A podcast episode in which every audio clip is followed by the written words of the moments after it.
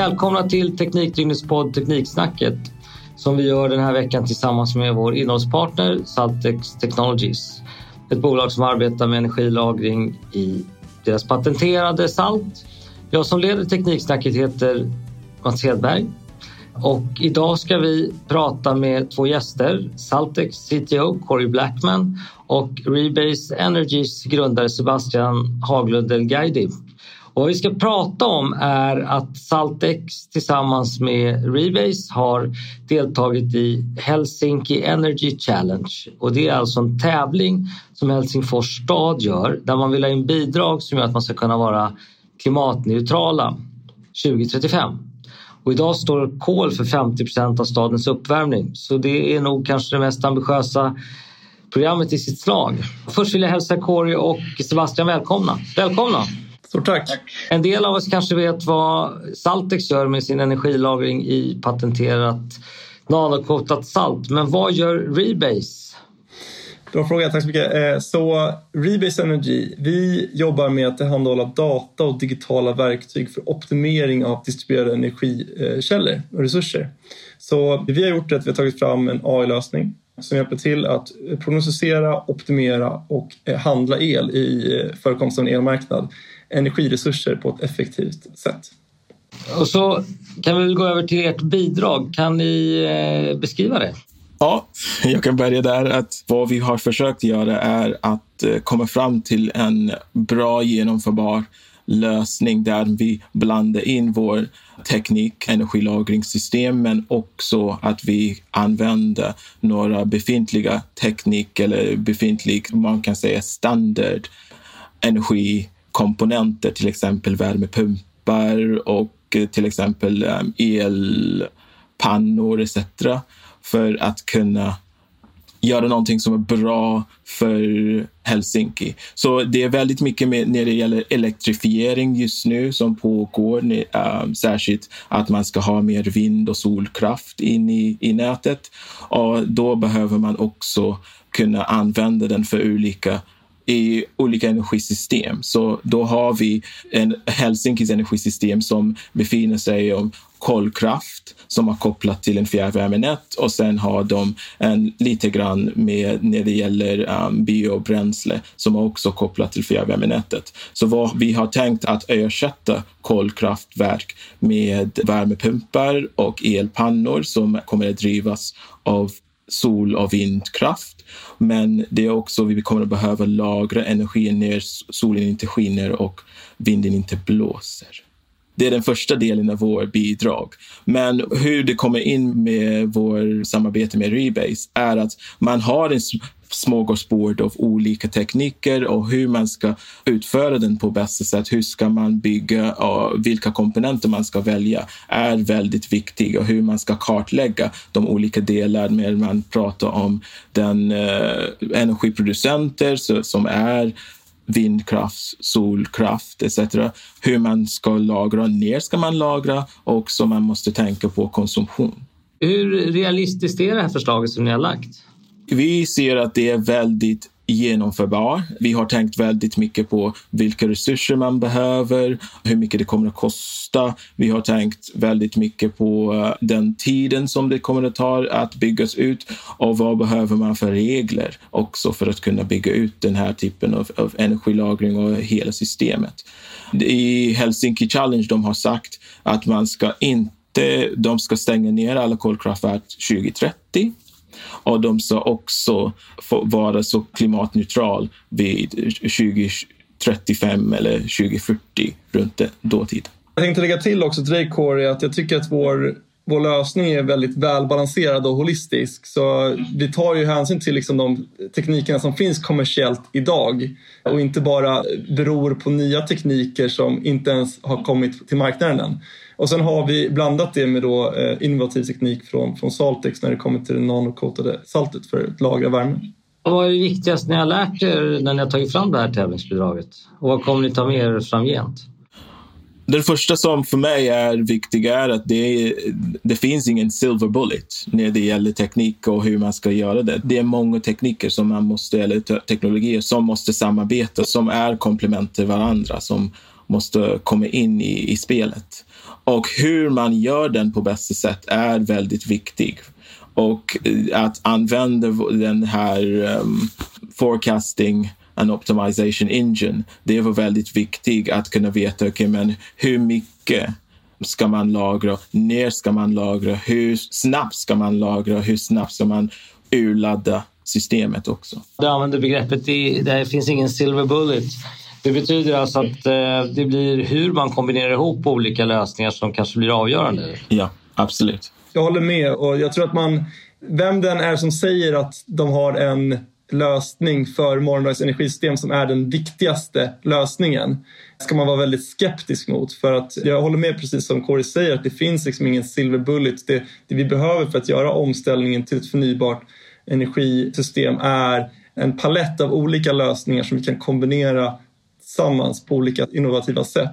Och det är precis det som vi har jobbat med i vårt bidrag till Helsinki Energy Challenge är att vi började väldigt tidigt med att sätta upp en systemmodell, en matematisk modell som beskriver energisystemet i Helsingfors.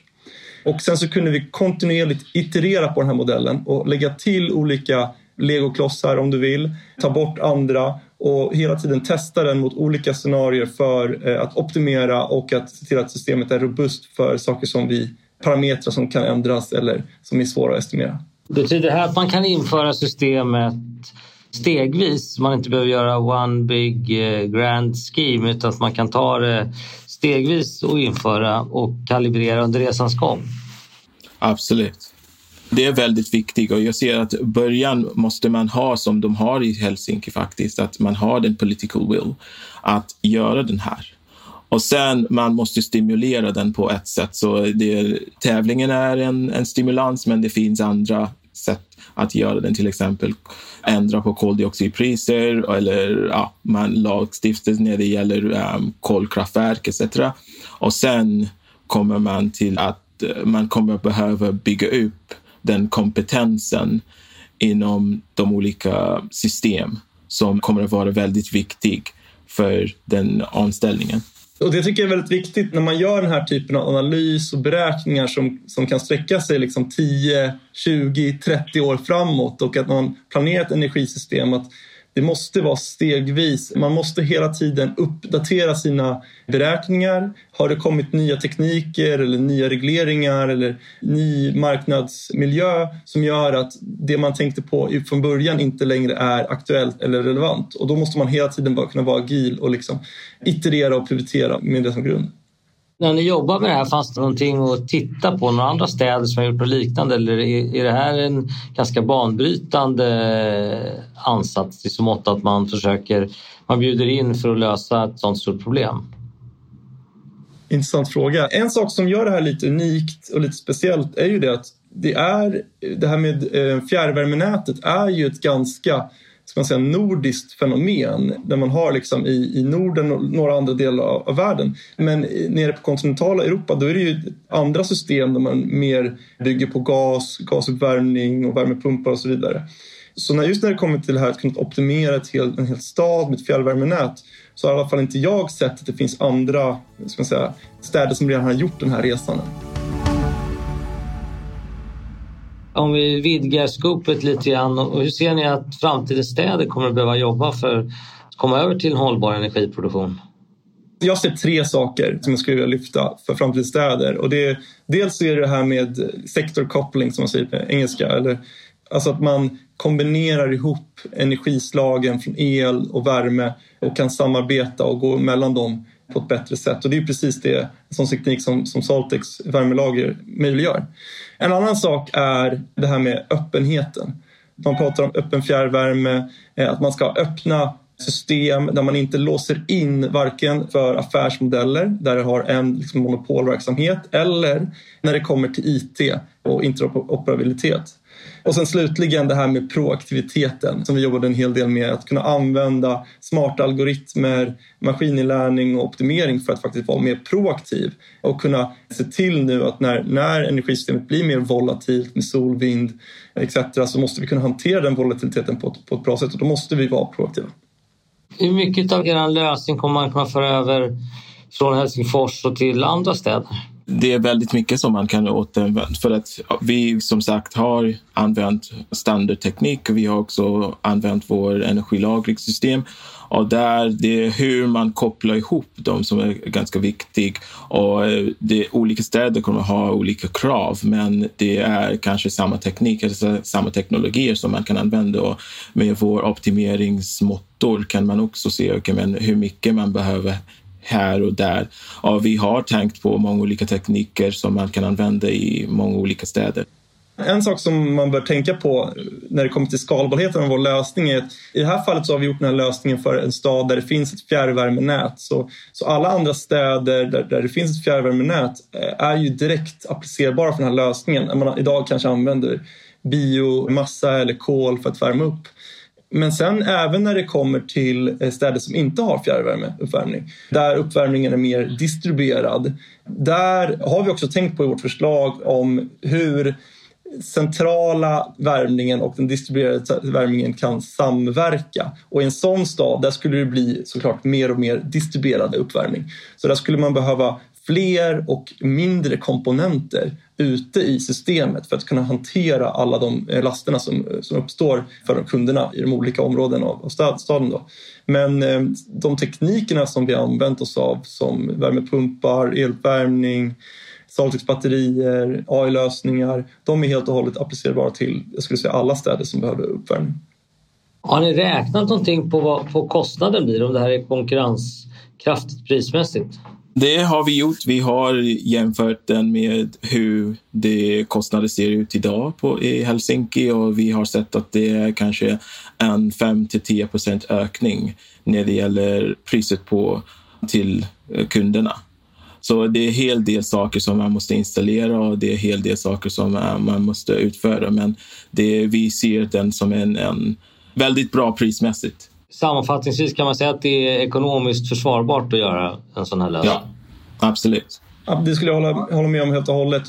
Jag tycker det är ganska intressant det Bill Gates har kommit upp med nu nyligen om det här med green premiums och om att få ner dem så mycket som möjligt. Så vi, vi vill betala lite mer för att det ska vara grönt och hållbart. Men när vi verkligen kan få den här uh, tipping effect eller tipping point så vi verkligen kan skala ut med systemen ännu mer och ännu snabbare. Det är ju när de här green premiums går ner till noll. När den mest hållbara lösningen också är den billigaste lösningen. Och där kanske vi inte är idag, men det tycker jag verkligen se att vi går mot som en marknad. Men man kan tänka sig att de befintliga system som de har, kolkraftverk etc., de har byggt i, ja, för 40 40-50 år sedan. Så de har redan fått tillbaka alla pengarna från, från de um, anläggningar. Men nu måste vi bygga ut nya anläggningar, så det, det kommer att kosta. Men vi, vad vi försökte göra med vår optimeringsmodell är att få den så kostnadseffektiv som möjligt. Har ni haft någon koll på de andra bidragen? Vet ni någonting om vad de uh, har gjort? Det har faktiskt varit ganska svårt att få reda på vilka som är de andra bidragen eftersom att det inte har varit helt eh, offentligt vilka som har gått vidare till final än så länge. Men vi vet att det finns, bland de här andra bidragen, så finns det stora företag också som är med som till exempel E.ON och NG. Och det är ju verkligen häftigt att se att vi som som startups och scale-ups kan konkurrera på en sån här prestigefylld tävling med stora bolag som har eh, många års, tiotals, om inte hundratals år erfarenhet av energibranschen. Det måste ändå vara ganska prestigefyllt att vara en av de tio bolagen som gått vidare utav 250 bidrag. Så bara det kan man nästan betrakta som en seger i sig. Absolut. Absolut. Det är vi väldigt glada för och, och det är ju en liten kvalitetsstämpel i, det arbetet som vi har gjort och liksom att, att verkligen få det tillbaka och se att, att det vi har gjort är, är relevant, det är innovativt, det är nytt i dagens energisystem. Vi har pratat lite om komplement när det gäller energi. Till exempel om jag kan ta ett exempel när det gäller värmepumpar. Så värmepumpar, de använder elen till någon typ av värme som man kan använda. Men vad händer när det är ganska kallt ut? Vad händer är att värmepumpar de är inte så effektiva och man har väldigt svårt att komma upp i den temperaturen som man behöver i fjärrvärmenätet. Så att använda hög temperaturenergilagring, det är en komplement till värmepumpar. Där under de kallaste perioder, då kan man till exempel höja den temperaturen som kommer från värmepumpen upp till de temperaturer som man behöver för fjärrvärmenätet. Så man behöver inte använda mer el för att kunna komma upp i, i de temperaturer som man behöver. Så så det är mycket som är väldigt intressant med, med vår lösning som jag tycker att inte alla deltagare kommer att ha. det var faktiskt en, en, del av den feedbacken vi fick från eh, Helsingfors stad. Just det, det här med att de var väldigt intresserade av eh, den eh, höga temperaturvärmelagringen som vår lösning innefattade också. Så att, eh, håller med dig där, Corey. Man skulle kunna tänka sig att den lösning som ni har, även om ni inte skulle vinna, eh, och det vet vi ju ingenting om, så kan man tänka sig att ni skulle kunna vara även en komplementlösning till andra bidrag. Absolut. Absolut, vi håller med dig helt och hållet. Och som vi ser det så hur ska man säga det här? Alltså vi är ju eh, två bolag som tillhandahåller två ganska specifika lösningar. Men i den här tävlingen så har vi ju verkligen tagit en holistisk syn på energisystemet i Helsingfors och inte bara utgått från våra kan säga, core-kompetenser eh, eller tekniker. Men vi ser ju att när det här ska sedan implementeras eh, så kommer det ju behövas fler aktörer. Det här kommer inte vi kunna göra på egen hand. Vi kommer samarbeta. Vi kommer verkligen eh, lobba för ett öppet samarbete där olika aktörer kan komma in med olika tekniker och där man också kan få in kanske ännu mer erfarenhet när det kommer till den här typen av installationer och transformationer av städer. Den här typen av samarbeten som vi ändå pratar om nu, är det någonting som arrangören har adresserat eller diskuterat med er eh, under resans gång? Det har kommit upp på bordet några gånger att de eh, har liksom tryckt för att vi ska samarbeta mellan de olika bidragen och inte bara jobba i silon. Men med det sagt så har det här också varit en designtävling och inte en implementationstävling. Så det Helsingfors stad har efterfrågat är inte ett team som ska implementera den här lösningen i verkligheten utan ett team som ska designa hur det här ska se ut. Och sen kommer ju nästa steg bli hur ska det här implementeras? Vilka aktörer kommer vi behöva ha med oss för att göra hela den här resan under eh, alla de här åren. Så det är ju nästa steg och, där tror jag verkligen att det är stora utmaningar som det innebär och liksom devils is, is in the details som vanligt och där måste man verkligen samarbeta. Spännande. Vi börjar väl närma oss någon typ av slut på, på den här podden. Men några frågor återstår. När får vi veta upplösningen? Vem som vinner? Tisdag den 16. Men jag antar att ni inte är fysiskt på plats utan att alla kommer att vara i dessa pandemitider kan inte flyga in till Helsingfors misstänker jag. Ja, så det är en länk som man kommer att ha. Alla kan delta på den här um, award ceremony. Digitalt event. Men eh, det hindrar inte att eh, fira och engagera sig ändå. Det finns alla anledning att göra och, och tycker jag, bara de här framgångarna. Eh, och jag tycker den som är intresserad ska besöka Helsingfors hemsida om tävlingen. Eh, länken kommer finnas i den artikel som den här podden kommer att ligga i. Jag vågar mig inte på att uttala länken på finska. Men innehållet är dock på svenska och eh, det finns ganska mycket matnyttigt där. Jag vet inte om ni håller med, men jag tyckte det i alla fall. Helt och hållet. Jag skulle vilja tacka Corey och Sebastian för en trevlig pratstund. Och åtminstone jag håller tummarna för Saltex och Rebase. Stort tack Mats, det var trevligt att vara här och vara med och prata lite. Och med det så avslutar vi den här delen av avsnittet av Tekniksnacket. Vi kommer att avsluta med ett litet samtal med Saltex VD Carl-Johan Linnér. Så häng kvar!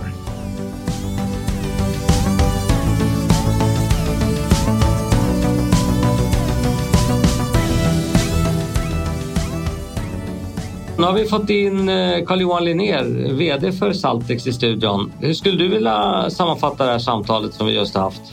Jätteintressant samtal som Sebastian och Kori eh, har haft här. Och det belyser verkligen vikten av att man kan ta det här från ett helikopterperspektiv och på ett smart sätt kunna använda de befintliga tillgångar som finns i Helsingfors med infrastruktur och byggnader och alltihopa och bygga in den nya tekniken på ett eh, Ja, jag hörde ni prata om det här steg för steg och hela den biten också, vilket var jättebra. Möjligheten. Så det är en en fantastisk team effort från eh, Sebastian och hans företag Rebase tillsammans med Corey och vårt företag där vi har fått eh, tillsammans eh, gå igenom en process som har varit otroligt nyttig för oss. Där vi har fått ta ett utifrån in-perspektiv till våra tekniker så att de förstår helheten, så att vi alla förstår helheten, hur viktigt det är att tänka på. Normalt sett kanske vi jobbar mest ifrån vårt eget laboratorium och från ett inifrån och ut-perspektiv, men, men det här har varit otroligt lärorikt för oss Och det har satt vårt energilager på plats ordentligt på kartan och visar att det kommer finnas ett extremt stort behov av energilager framöver. Nu när vi gör den här inspelningen så vet ju inte om Saltex har vunnit men ni är i alla fall en av tio bolag som har kommit till final av 250 stycken. Hur viktigt är det här för ett bolag, eh, ett sånt här utvecklings och teknikbolag som, som Saltex? Det som är intressant här Mats, det är att det är över 250 ansökningar från hela världen. Tio stycken har gått vidare. Och här har vi då som ett litet företag tillsammans med Rebase slagit ut betydligt stora globala firmor som jobbar med sin beprövade teknik det bubblar ju liksom hos oss hela tiden. Vi vill ju gå ut med det här, vi vill ju tala om det här för hela världen. Det är en jätteprestige för oss, bara att ha kommit till finalen. Sen får vi se hur, om vi kommer på prispallen eller inte. Egentligen är inte det som är det, det viktigaste här, utan det viktigaste är att, är att gå till finalen var ju jätteroligt. Men det som vi har byggt ihop oss om och den lösningen kommer vi ha nytta av för all framtid framöver och i andra städer. Jag hörde ni prata om det lite grann också, hela biten. Visst, det finns unika saker i Helsingfors kanske, och i Norden och i norra Europa. Men grundproblematiken är densamma i alla städer borde ju öppna möjligheterna för att eh, besöka ganska många städer. Jag antar att många eh, tittar på de här frågorna och, ser utmaningen med att ställa om till ett eh, klimatneutralt samhälle. Det är väldigt svårbestämbart på något sätt. Vi tror ju oss att komma få en del eh, förfrågningar efter när det här släpps nu på att göra liknande saker. Och vi är ett litet företag och, och jobbar med högkvalificerade lösningar så att vi kommer att ha begränsade möjligheter att eh, hitta lösningar för alla städer i hela världen utan vi får ta det vi har gjort här och använda det så gott vi bara kan till, i andra städer också. Och, och jag tror vi kommer jättelångt med det. Vad kul! Det här är en inspelning som vi gjorde innan för resultatet men den kommer att publiceras när vi har fått resultatet. Så att oavsett ja. det så vi säger än en gång grattis till en, en så pass bra placering. Vad det nu än blir av de tio bästa. Tack så mycket för det. Det som är lite roligt här Mats, också bara avslutningsvis, då, det är då att vi, som jag tror både Sebastian och Kåre var inne på, att vi bygger ihop nya tekniken och vi står väl för den nya tekniken här kanske då, med den mogna tekniken. Och det är inte den mogna tekniken som har tagit initiativet till en sån här samverkan, utan all teknisk utveckling kommer oftast från ny teknik och mindre bolagen som, som förstår nyttan och värdet i att kombinera den nya tekniken med den gamla tekniken. Så den gamla tekniken kommer att få förhoppningsvis lite nytändning här på något sätt också. Men initiativet kommer ju från oss på något sätt. Va? Det är det som är intressant tycker jag. Men det är väl det som gör att det finns också en viss realism i det hela, att man faktiskt kan börja använda de här nya teknikerna, att man just kan kombinera ihop det med de gamla så att man inte behöver skrota allting. Mm, ja. Då tackar vi även Carl-Johan Linné för deltagandet i Tekniksnacket som vi också gör i samarbete med bolaget. Tack för pratstunden. Tack själva.